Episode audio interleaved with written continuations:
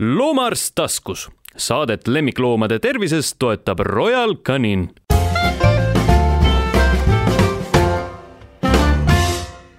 tere, mina olen loomaarst Tiina Toomet ja täna on koos minuga taskus loomaarst Sigrid Lapp, kes töötab kliinikus Erivett ja Mari Valgma, kelle kohta ma lugesin koerte Kolgratt kodulehelt, et tegemist on koerte fitness treeneriga see kõlab nüüd nii põnevalt, et ma pean paluma, et äh, Mari räägiks paar sõna, et kuidas temast sai koerte fitness treener mm,.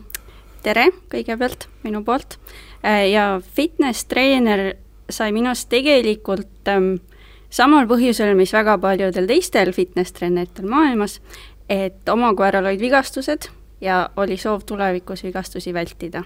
ja fitness treening või koerte lihastreening on siis äh, tee selle poole et meie koertel oleks siis tervem elu ja et nende lihaskond oleks ilusasti, ilusasti tugev ja et nad, kui nad siis sporti teevad või meiega koos aktiivselt aega veedavad, et siis oleks nende keha võimalikult kaitstud ja võimalikult heas vormis. et kokkuvõte on siis selline, et sina tegeled, tegutsesid selle nimel, et Sigrid jääks töötuks? et, et ei oleks vigastustega koeri ja tal ei oleks enam midagi teha? kas nüüd just päris niimoodi aga noh, see suurem eesmärk meil on ju, et me tegelikult tahaks, et koerad oleksid võimalikult terved ja saaksid võimalikult kaua meiega nagu kvaliteetselt koos elada. no seda tahame meie Sigridiga ka. täpselt, et see, meil on ühine eesmärk. meil on ühine eesmärk, jah. Eelmises saates oli meil juttu Liisa Siimoniga ülekaalust ja siit nüüd edasi minnes siis võiks mõelda, et paksukese koeraomanik võiks mõelda, et oh, nüüd on vaja kaalust alla saada et pool toidust vähemaks, ehkki selle koha peal ütleks mulle Liisa stopp, et sellest me ka eelmine kord rääkisime, et niisama lihtsalt see ei käi, et peab ikka vaatama, mida me vähemaks võtame. Ja teine koht, kus siis nüüd võib-olla teie ütlete mulle kohe stopp, on see, et hakkame treenima. Ja kujutame nüüd ette sellist noh, keskmist kasvu koera, sellist, kes peaks kaaluma kümme kilo, aga kaalub viisteist. Ja et kui nüüd omanik tahaks teda hakata kohe enda järel kusagile treeningutele vedama, ma võib-olla küsiksin praegu nüüd Sigridi käest, et sina ju näed neid traumadega loomi, et kus on need ohud? ohud on teadmatuses ohud on selles, kui äh, loom ei ole tõesti varem äh, liikumas käinud ja omanik ei ole ka käinud ja ta ei ole kursis, kuidas loom üldse maastikul käitub. ja liiga rabistades tehakse kõik sammud rihmast kiiresti lahti, rihmast äh, maastikule ja loom ei ole mm, harjunud sellise uue elukorraldusega, kui ta tõesti eelnevalt on olnud võib-olla ainult pissi-kaka jalutuskäigus. nii et tuleb võtta aeglaselt, samm-sammult ja ja, ja mitte siis hakata nagu meistersportlast treenima kohe, jah? nii on. treening, mis see üldse on? et, et me ei räägi, me selle saate eesmärk ei ole rääkida sellisest päris, päris maailmameistrivõistlustele minevast koerast, vaid, vaid ikkagi sellisest kodukoerast, et kas me iga kodukoera puhul saame rääkida mingil määral treeningust ja spordist, Mari ähm,? jah, tegelikult saame küll, eriti kui me räägime siis nendest koertest, kes võib-olla käivad inimesega koos äh, nädalavahetustel matkamas või pikematel jalutuskäikudel, siis tegelikult sellised koerad juba kvalifitseeruvad pigem nagu tervisesportlasteks, et nad võib-olla ei harrasta mõnda konkreetset spordiala, aga ikkagi nad on aktiivselt liikumises osalevad ähm, olendid. ja aga samas on niimoodi, et äh, me kuidagi kipume koerte puhul eeldama, et siis põhiline treening, mis me nendega teeme, on see, et nad siis käivad meiega koos kas jalutamas või jooksmas. või no jalutuskäiku ikka paljud inimesed ei pea mingiks treeninguks. ma no, arvan. tegelikult kui... niimoodi, ma arvan, noh, selles suhtes, et ta ikkagi on füüsiline koormus, et me Nii, seda ei saa mm -hmm, välistada, on ju, et tal alati, kui on liikumine, siis noh, seal on ka lihased töös ja see on mingil määral treening. aga tõesti ähm,, kui me siis mõtleme näiteks inimeste maailmas, kui palju meil on erinevaid nagu füüsilisi treeninguid, et meil on jõutreening, meil on süvalihaste treening, meil on erinevad koordinatsiooniharjutused, meil on siis jooksmas käimine, et siis tegelikult eh, siis jällegi, kui me võrdleme inimeste maailmaga, siis näiteks seesama reegel, et kümme tuhat sammu päevas peaks olema kõigil elementaarne, siis koerte puhul mina näen siis asja samamoodi, et selline jalutamiskäik on, jalutamaskäik on elementaarne koera põhivajaduste rahuldamine, aga tegelikult siis, kui me mõtleme ähm, füüsilise treeningu peale, siis seal on koerte maailmas täpselt samamoodi, on väga palju erinevaid tahke, mismoodi me saame siis seda füüsilist treeningut läbi viia, et see täidaks siis oma nii-öelda eesmärk, et näiteks jõutreeningut saame teha, me saame teha treeningut siis koordinatsioonioskuste parandamiseks ja nii edasi, ehk siis, et see on väga kirju maailm tegelikult. aga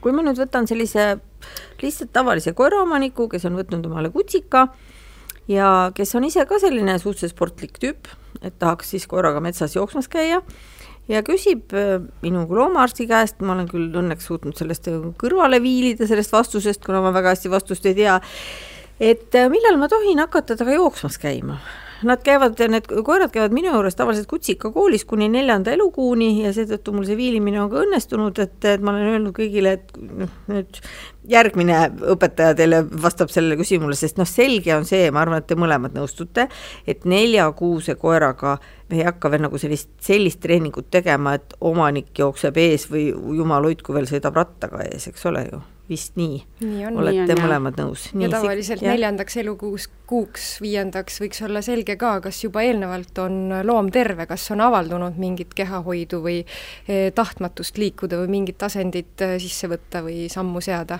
mm. -hmm. ehk siis, kui eelnevalt ei ole probleemi nähtud ja kui ta küsib seda, et kuna minna, siis nii, mis sa, Mari, ütled, ma ise mõtlen siit praegu just, et äkki sina ütled selle soovituse. ühesõnaga, tegelikult siis ähm, üldiselt lähtutakse füüsilise koormuse äh, andmisel koerale kasvuplaatidest, et sina, Sigrid, äkki tahaksid selgitada, et nende kasvuplaatide kohta, et siis ühesõnaga need on piirkonnad luus, mis kasvavad mm, -hmm. eks mhm. ole, et kuni koera täiskasvanuks saamiseni.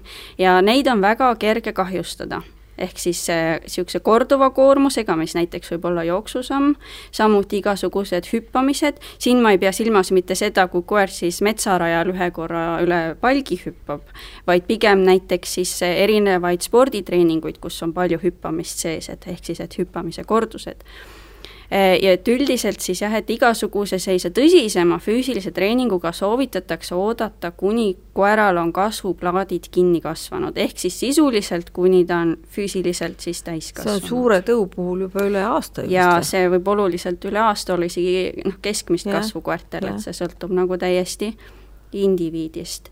ja siis neid kasvuplaate, kellel on siis huvi võimalikult kiiresti hakata tegutsema, ja füüsilist koormust pakkuda. Oma koerale, näiteks jooksmas hakata käima, siis on võimalus röntgeniga kontrollida, eks ole, et kas on kasvuplaadid kinni kasvanud, kui koer on aastaseks saanud. jaa, aga seda rutiinselt ei, äh, omanike teadlikkus ei ole selline, et ma tulen luu kasvuplaati hindama.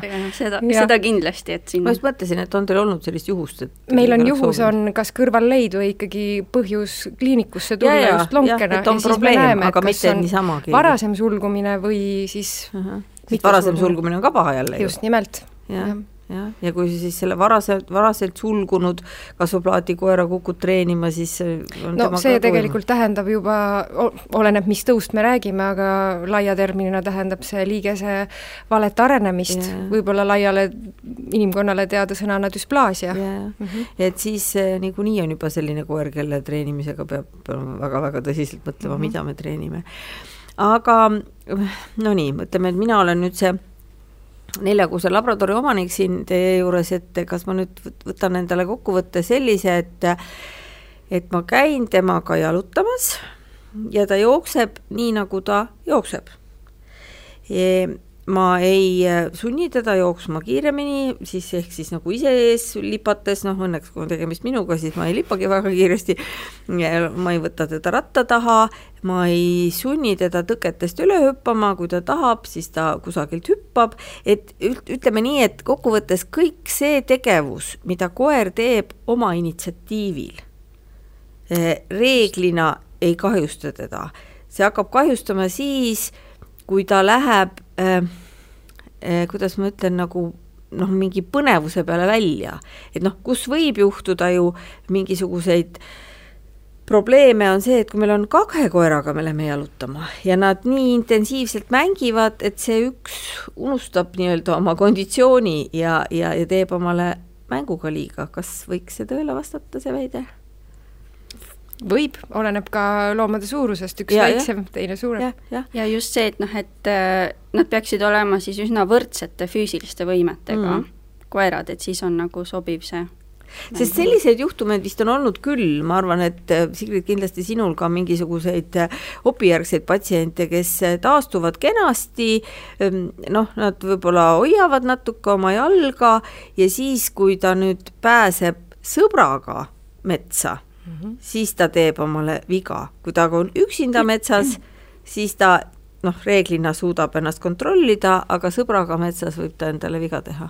ja võib, aga seal on tavaliselt kirurgid loevad sõna peale, et esimesed ka kolm kuni viis kuud peale, kui ongi tõesti kirurgiajärgne seisund, siis neid ei lasta kokku ja, Jaa. ja jälgitakse väga hoolikalt või siis hoitakse rihmas või distantsis. jah, jah, ja noh, samas igasuguste muude longetega ka võib-olla, et hakkas juba paranema ja, ja Ja- siis ja ja vaadatakse, et ägestub oo, pole hullu, las ta nüüd läheb, mängib oma vennaga, pole tükk aega kokku saanud ja, ja siis, siis, siis tuleb juhtub uuesti midagi.. no seal on oluline Jah. teada, et mis oli algpõhjus, kas see on äge juhtum on algselt olnud Jah. või on ägeda pigem progresseerumine krooniliseks ja siis see vana probleem saab uuesti ägestatud uue trauma tõttu ja jälle hakkab otsast pihta.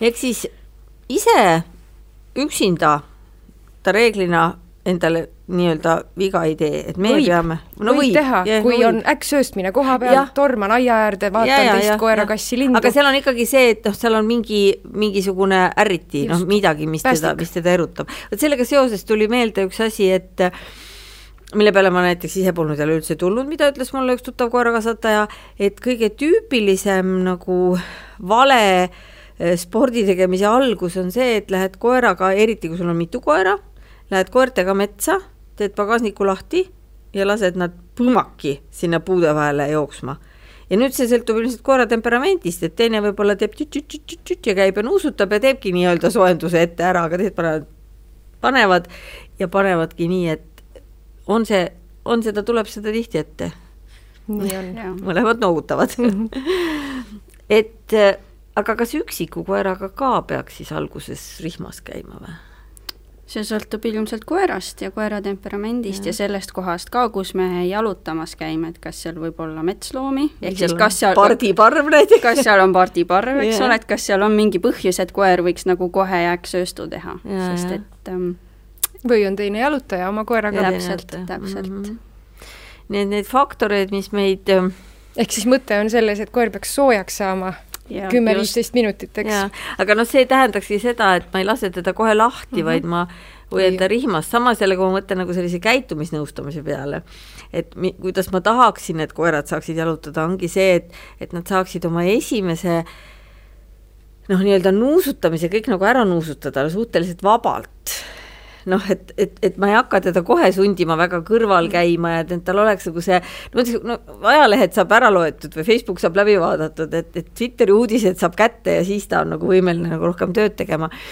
et ehm, noh, siis ilmselt lihtsalt äh, rihmas, võib-olla hästi pika rihma pika rihmaga jah, nii-öelda vabalt. ja jällegi see sõltub koera temperamendist. jah, muidugi on selline, ma arvan, et on paljud, kes ei lähe kuskile seisabki sul selja, seisab su kõrval ja ütleb, et kas me hakkame minema ka või ei hakka et noh, jah, neid, neid, mis võivad meie koera sööstma panna, neid asjaolusid on palju, et siin on loogiline, et inimene tahaks kuidagi kindlustada noh, et midagi ei juhtu ja, ja noh, selle minu meelest üks kõige drastilisem näide on see, kuidas eh, kardetakse treppi. no ma saan aru loomulikult, et treppi peabki mingil määral kartma aga, aga noh, see läheb vahetevahel ka äärmusesse, sest noh, ma mäletan oma lapsepõlvest ja minu meelest see linnalegend käib siiamaani, et ma ei tea, mis vanuseni, aastani oli see, kaheksa kuuni, sõltuvalt vist tõust, et koer ei tohi trepist käia ja siis kõik inimesed vedasid oma kaukaasia lambakoeri siis viiendale korrusele, kui need koerad kaalusid juba, ma ei tea, nelikümmend kilo. et ma ütlen ausalt, et mina olen öelnud võib-olla võib-olla on siin hulk inimesi ja teie hulgaski kumb või mõlemad, kes mulle vastu vaidlevad. mina olen öelnud kõigile kutsikasvatajatele, et, et kui ta suudab trepist üles minna, ilma et ta käkas kaela alla kukub, siis ta võib seda teha. et pigem on oht see, et ta saab trauma kukkumisega, kui see, et ta kuidagi oma jalgu valesti asetab, aga ma ei tea, mis teie mulle selle peale ütlete? oleks sama meelt jaa, just, et ma olen ka sama meelt, et seal põhiline on see, et ta liiguks noh, kontrollitud ja öö, ilma jah, ummisjalu tormamata treppidest. aga samas, kui on kutsikas nii, kortermajas, kus on mitu korda päevas näiteks viiendale korrusele vaja ronida trepist üles ja alla, siis ma pigem võib-olla vaataks, et ühe korra päevas käib ta ise, need trepid, ja ülejäänud korrad siis aitaks teda, et tal jällegi ei tuleks seda ülekoormuse efekti sellest, et ta ja. kogu aeg kõnnib üles-alla või ta ei jaksagi tervet maad minna, et tuleb just. poole pealt ta sülle võtta just, näiteks, see on ilmselt see ja näiteks korteri või majasisesed libedad trepid võib ju ka omaniku hirmu ka kaotamiseks ka katta, teha mittelibedaks. et loomal ei olegi varianti kukkuda, aga või siis, et tal ei olegi vaja alguses üldse käia üksinda jah ja,, et mina arvan, et see on päris nagu hea meetod kutsika puhul, kui ma ei ole väga kindel eh, noh, sellise trepiga, kus ta võiks mm -hmm. nagu ise minna üles-alla, sest ühel hetkel avastab ja siis hakkabki võib-olla, kuuleb mingeid hääli, tormab -hmm. alla, siis jälle üles, et ma pigem paneks selle võib-olla lihtsalt eh, kinni või takistaksin tal sealt mine, minekut ja, ja minu meelest on lihtsalt oluline see ka, et jälgida, et koer siis oskaks ilusasti minna sealt ja, trepist, et kontrollitud mm -hmm. sammudega, eh, mis mina olen tähele pannud, siis kutsikatel sageli on see trepist noh, nagu see liit, liikumise justkui motoorika ei ole nendel paigas, ehk nad ei, nagu ei oska seda, seda see trepiga midagi ette võtta ja sealt tuleb ka see tormamine mm. -hmm. et kui mhm. lihtsalt pigem võtta see aeg ja õpetada talle seda rahulikult sealt nagu üles ja alla kõndimist, siis tavaliselt nad saavad siis aru, et aa, et ma ei peagi tormama. ja, ja, jah, et see on nagu see, et millal ta ise ilmutab ka mingit valmisolekut, et ma tahan sealt trepist hakata käima, et see on ka tähtis. aga me rääkisime ikkagi sellest Mm, sellest ähm, tavalisest koerast, kes siis võib-olla viis päeva nädalas äh, tõesti käib hommikusel, õhtusel pissiringil ja siis laupäeval noh, selge on see, et pererahvas tahab talle head meelt teha ja siis minnakse ikka kohe nagu tõsistele pikkadele jalutuskäikudele, et mis siis nüüd sellega siis võiks meil kaasneda? sõltub, sõltub loomast, sõltub aastaajast, sõltub sihtkohast, kuhu minnakse aga... sõltub füüsilisest vormist ka. ja, ja, ja, ja et, et me võime nad ikkagi üle koormata, eks ja. ole ju, isegi ka jalutuskäiguga, isegi siis, kui me ei jookse, ei, ei, ei pane neid ratta järel jooksma ja, ja ratta järel jooksmine on üldse ei no see on üldse, ei ja. ole hea plaan ma saan aru.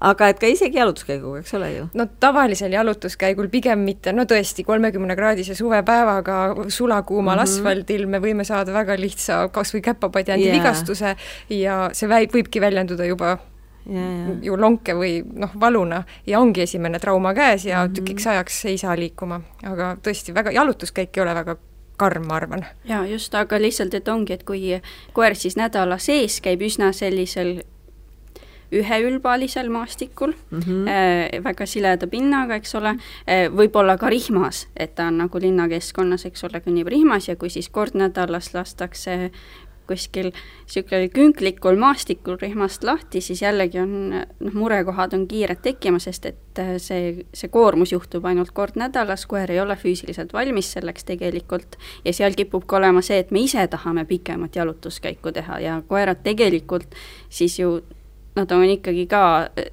samamoodi lihast ja luust olevused, kellel võib väsimus tekkida ja väsimusest tulenevalt ka vigastused kui nüüd tõesti tahetakse sportlast kasvatada, kuidas siis tema kasvatamine algab kuidagi teistmoodi, no ma saan aru, et ma ei saagi enne, kui, kui ei ole kasvuplaadid luustunud, et siis, siis ei, ei olegi mõtet nii-öelda tõsiselt seda asja ette võtta, aga, aga kuidas, ma saan aru, et sinul on olnud ju agility koer, eks ole ju E, e, jah, minevikus küll. jah, jah, aga et kuidas sa temaga siis alustasid et...? no tema oli tegelikult enne minu fitness treeneri karjääri. Niimoodi, et seda ma ei saa öelda.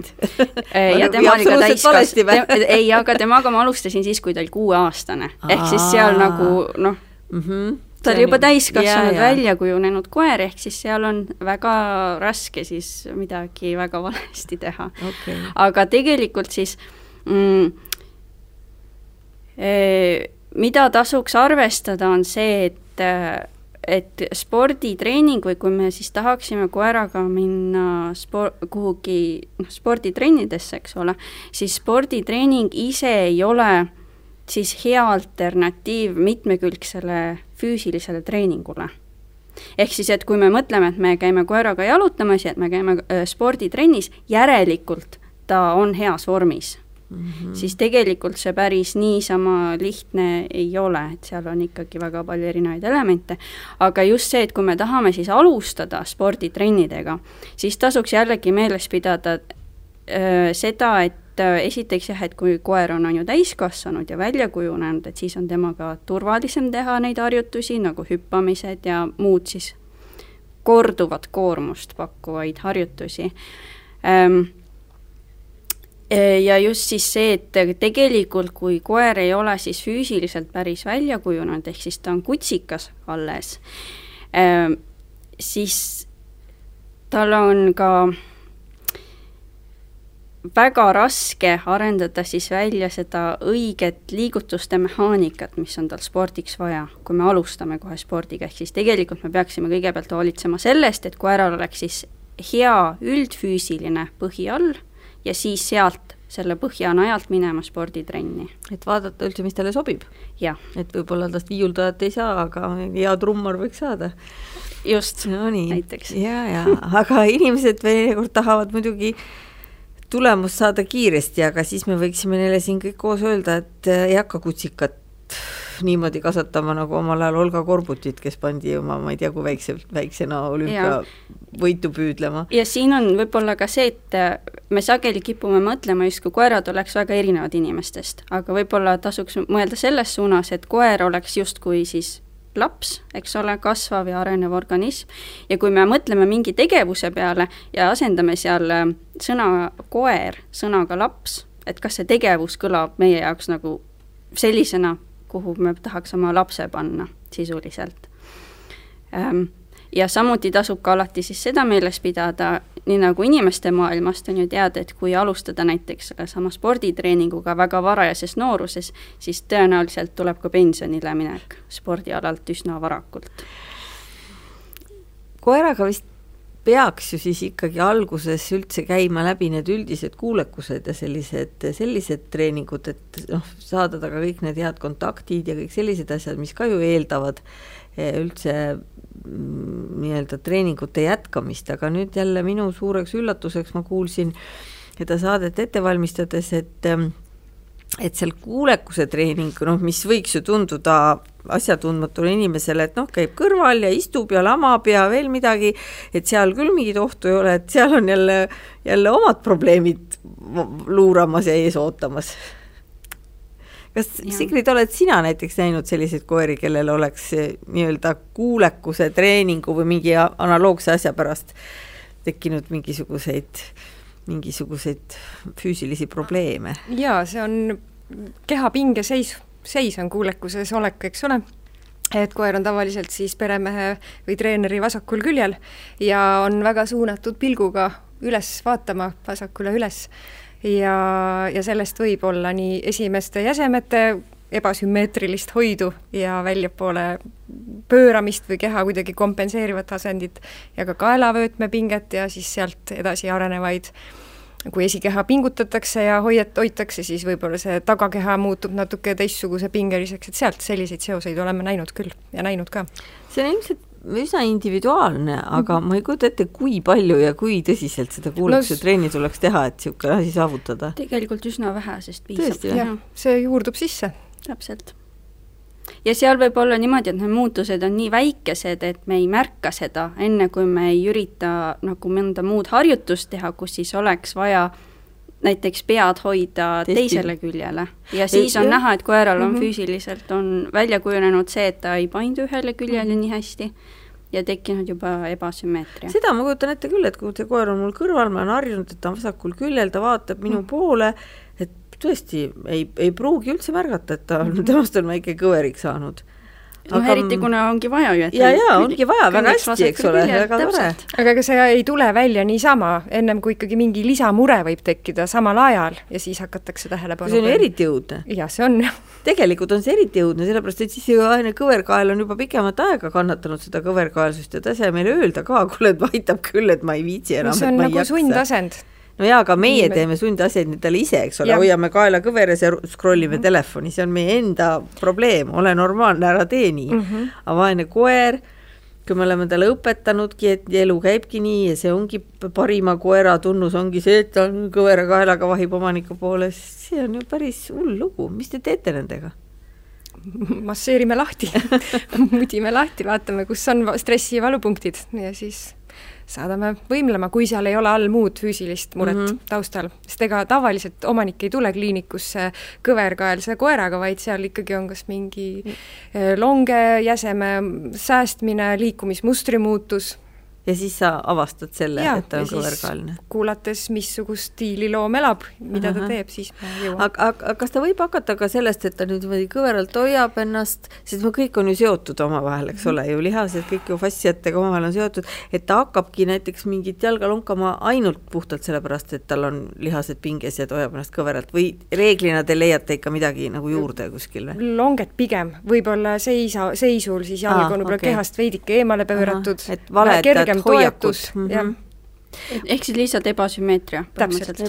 või siis see ka, et kui kindlalt nad siis ühe või teise külje jalgu kasutavad, et koertel siis võib samamoodi olla niimoodi nagu inimestel, et noh, et parem käsi on lihtsam kasutada Jaa, kui vasak käsi, et nendel loomulikult on juba eelistused, aga siis lisaks, et kui me teeme väga ühekülgset treeningut, siis me veel taotluslikult võimendame seda. ehk siis, et tal võibki tekkida see olukord, et ta tunneb siis ennast teise külje jalgade kasutamisega lihtsalt ebamugavamalt. ja ei ole nii koordineeritud need liigutused. väga põnev maailm, ma pean ütlema.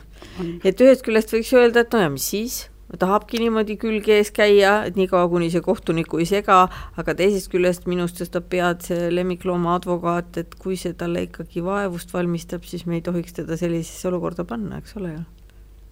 Nii on. jah, aga seal üks äh, üsna lihtne lahendus on teha treeningut sümmeetriliselt, niimoodi, et harjutada kõrvalkõndi vasakul küljel ja paremal küljel. et üks variant näiteks, mida mina oma koertega kasutan, on see, et treeningus nad on vasakul küljel ja kui me näiteks äh, linnaolukorras jalutame, siis on paremal küljel. Okay. et see on nagu siis hoopis teine keskkond, et tal siis, kas siis, kui kunagi tahaksin võistlema minna, siis tal ei teki segadust, et kummal küljel me nüüd siis, siis ja, oleme. et keskkond oleks erinev, aga jah, et see on niisugune lihtne lahendus, et harjutada alati sümmeetriliselt.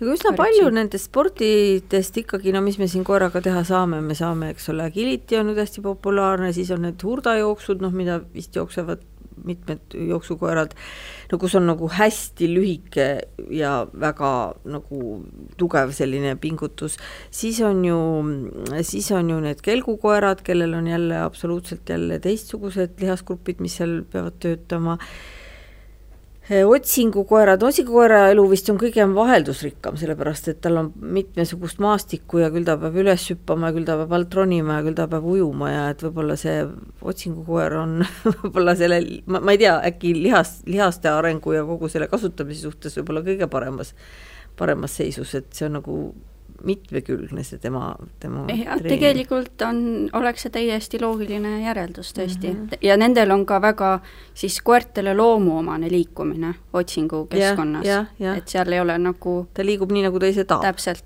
täpselt mm. -hmm. ja just see, et see on mitmekülgne keskkond, seal on noh, erinevad ronimised ja turnimised, mis on ka nende koertele loomuomased ja siis no jahikoerte maailma ma üldse ei tunne, seisab üks käpp püsti, ma ei tea, kas teine ka väsib ära ja saab liiga suure koormuse või seda vist ei oska keegi kommenteerida ja seal tegelikult on, kui koerad teevad neid töid, siis mille jaoks nad, neid on väga pikalt aretatud, siis, siis üldiselt äh, nendel siis needsamad tööd tekitavad vähem nagu probleeme mm. füüsilises mõttes, ehk siis äh, üldiselt kipuvad põhilised probleemiallikad olema ennekõike need äh, olukorrad ja spordialad, mis on siis inimese inimesega koos. või inimese loodud siis. inimese loodud, no meie teeme ikka kõik asjad natukene enda järgi ja võib-olla mitte kõige paremini looma suhtes. ja seal on ka noh, üldiselt siis see, et öö, noh, ma ei oska konkreetselt jahikoerte kohta öelda, aga sageli näiteks mujal maailmas kipub olema niimoodi, et karjakoerad ja näiteks veospordikoerad, noh, need on siis kaks valdkonda, millega ma olen rohkem tuttav, siis tegelikult neid päris töökoeri hakatakse tööks kasutama suhteliselt äh, noh, mis spordiinimesele võib-olla tundub vanas eas, ehk siis, et need koerad tegelikult on kas kolme- või nelja-aastased, nad on täiskasvanud et koerad. neil on ikka ilus kutsikapõli ja Nendel on kutsikapõli ja... ja nende puhul üldiselt eeldatakse, et enne seda nad ei ole vaimselt valmis töötama, nad ei ole eba, et nad on ebaküpsed. aga see jällegi tingib, et nendel on hea kutsikapõli, nendel on võimalus äh, siis ilusasti täiskasvanuks areneda ja nendes valdkondades on äh, siis inimestele, kes, kelle jaoks siis need töökoerad, eks ole, on ju noh, oluline elu osa, ne-, nemad tegelikult tahavad näha, et see koer suudaks ka kümneaastaselt tööd teha. ehk siis, et nad pigem ootavad alguses kaua, ei rutta asjadega ja niimoodi on nendel koerad, kes siis saavad väga pikka aega väga hästi oma töö, tööd teha. aga kui me nüüd tuleme jälle nende traumade juurde tagasi, siis äh, ma ei tea, Sigrid, kas sa oskad mulle öelda, et on midagi, mis, mida sa nagu rohkem näed või, või, või, või kus, kust need tulevad? noh, ühest küljest võib-olla ongi ikkagi nii tavalisel kodukoeral rohkem traumasid, sest neid ongi proportsionaalselt ju rohkem. et, et ilmselt sa ei, neid päris sportkoeri nüüd nii palju ei näe. aga, aga on seal mingi oskad sa midagi välja tuua, mida, mida me võiksime nagu kõrva taha panna või millega arvestada mm? -hmm. see sõltub taaskord tõust mm -hmm. ja su koera suurusest ja sellest, mida ta teeb. kui ma jätan välja tavalise kodukoera ja me räägime spordiga aktiivsemast tegelevast koerast või ka siis tavalisest kodukoerast, kes käib regulaarselt äh, omanikuga treenimas mm, -hmm siis äh, kõige sagedasemad, mis eriti nüüd koroona ajal välja tulid, olid just äh, ülekoormused, et kui omanikud jäid ka koju, nad hakkasid rohkem liikuma ja selle tõttu tulid välja allolevad probleemid. oli see siis äh, longe, kus eelnevalt sai või koormus sai eelnevalt väikese vigastusega liigesepind, eks, või olid tõesti ette planeerimata hüpped, põrutused, kus toimusid sellised venitus või ülesirutustraumad sidemetele, kõõlustele ja noh, seda võib ka praegusesse aega edasi tuua, et tavaliselt need ongi mingid põrutused, venitused, kapslirebendid, sidemete rebendid, kui nüüd täpsemalt rääkida, esijalas kõige rohkem kannatavad, kui me jätame padjandid kõrvale yeah., no mis on kõige väiksem, kerge, kõige kergem ja nähtavam kulumine,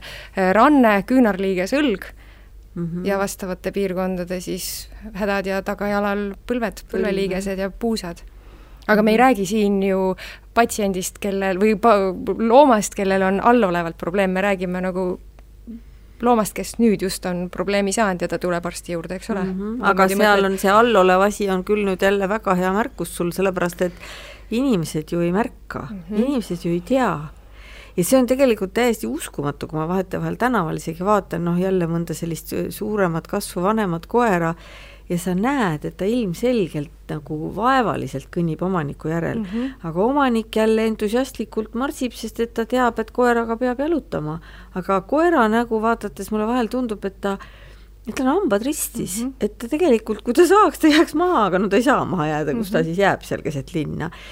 et, et see on ju üks üli, üli, ülitähtis ja murettekitav fakt, et inimesed ei tunne oma looma valu ära.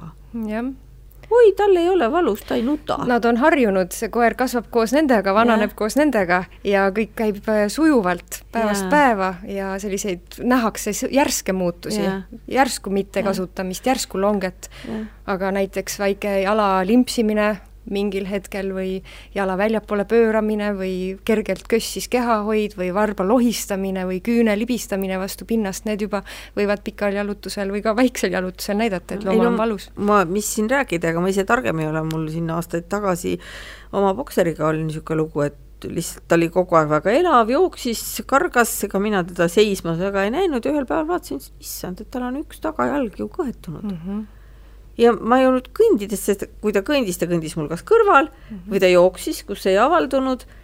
ja, ja siis ma sain aru, et tal on juba pikemat aega põlveprobleem. eks, ja siis, kui nüüd selline loomaarst ei tunne oma looma valu või probleemi ära, mida me siis ootame lihtsalt inimeselt, keda ei ole sellega spetsiaalselt koolitatud, aga see valulugu on küll mulle selles mõttes hirmus äh, südamelähedane, et, et tõesti, ma olen kõigile inimestele, panen nagu seda ikkagi noh, et nad märkaksid, et nad märkaksid, et kui looma liikumises on muutus, et, et nad, nad, nad ei saa öelda meile, loomad ei saa öelda meile. Ja see, et ta ei nuta, see on minu meelest kõige ebaveenvam argument, mis üldse olla saab, sest noh, jälle Sigrid, sina võib-olla oskad paremini seda kommenteerida, et et koer niutsatab sellise äkilise mm -hmm. ilmselt, noh, võib-olla niisugune närvivalu korra lööb sisse, aga selline krooniline liigesevalu selle peale, et ta nutma hakkaks, see on ikka väga harv nähtus. tavaliselt mitte jah, et pigem lõõtsutamine, tahtmatus või raske püstisaamine Äh, väsimine, tahapoole omanikust jäämine, jah.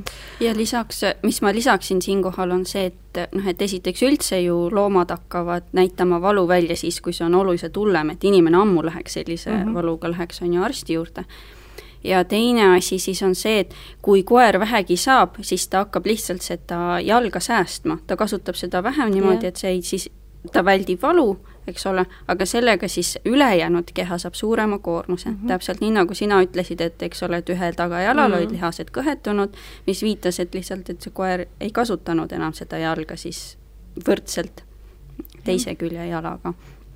ja siis see, see on see koht, kus on tegelikult ka see probleem, et kui koer siis harjub ära selle liikumismustriga, et ta säästab seda ühte jalga, mis talle mingi hetk siis võib-olla valu tegi, et see ei pruugi enam valu teha, kui see noh, minevikus juhtus mingi mure, et siis lihtsalt, kuna ta jääb kasutama seda liikumismustrit, siis ta koormab üle teised kehapiirkonnad ja sealt võivad tulla omakorda vigastused ehk siis see yes, on see. seesama jalg äh, saab teiseseid vigastusi seoses vale lihaspingega, sest sellest ja. säästmisest on teatud lihasgrupid jällegi omakorda uue pinge all.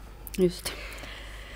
ma olen niimoodi teid kuulama jäänud, et ma olen isegi ajad ära kaotanud et, et tahaks hirmsasti rääkida küll, küll soojendustest ja, ja, ja pärast koerad, koerte nii-öelda maha, maha rahustamisest, jahutamisest, aga nendesse nüanssidesse me ei, lihtsalt ei jõua enam, jõua enam laskuda.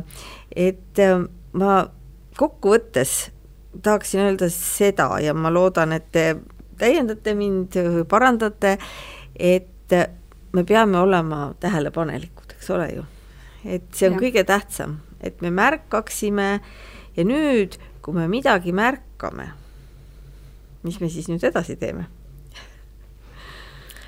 No mina loomaarstina lähen loomaarsti juurde, mina arvan, et kui minu koer lonkab või hoiab jalga valesti, siis Sigrid, ma tulen sinu juurde.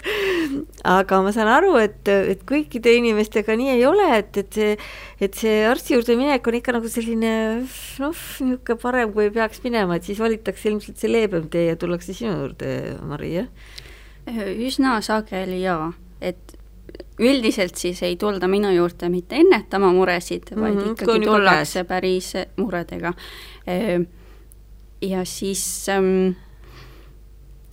siis jah, on minu ülesanne veenda, et äh, lähme nüüd arsti juurde koeraga, et kontrolli, et isegi kui on näha, et see võib-olla ei pruugi olla mingi tõsine mure, siis tegelikult on kindlam alati teada, et mis see algpõhjus on, miks üldse tekkis selline natuke ebasümmeetriline kehahoiak, et see teeb isegi kui tuleb välja, et see ongi lihtsalt, et koera loomulik eelistus kasutada ühte külge rohkem, nagu ma rääkisin, et nendel ka kipub seda olema, siis ikkagi on hea teada, et seal ei ole mingisugust sügavamat põhjust taga, et saaks nagu hästi edasi minna. Nagu täpselt, täpselt, see võib olla mingi peidetud mure, see võib olla mingi vana mure, et mis iganes. mm see võib olla ka asi, mis tuleb tagasi kogu aeg ja see võib mm. olla kehaehitusest tingituna, nii et seal on miljon põhjust. hea on teada.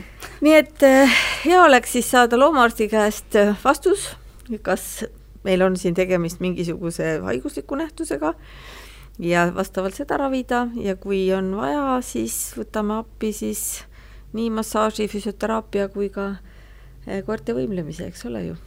et äh, sellega ma arvan, võiksime täna lõpetada soovime ilusaid jalutuskäike sügisesel Eestimaal, aga ärge siis koormake üle oma loomi. ja kassist me ei rääkinud üldse, aga võib-olla siis kunagi tulevikus. aitäh teile! aitäh! aitäh kutsumast! aitäh!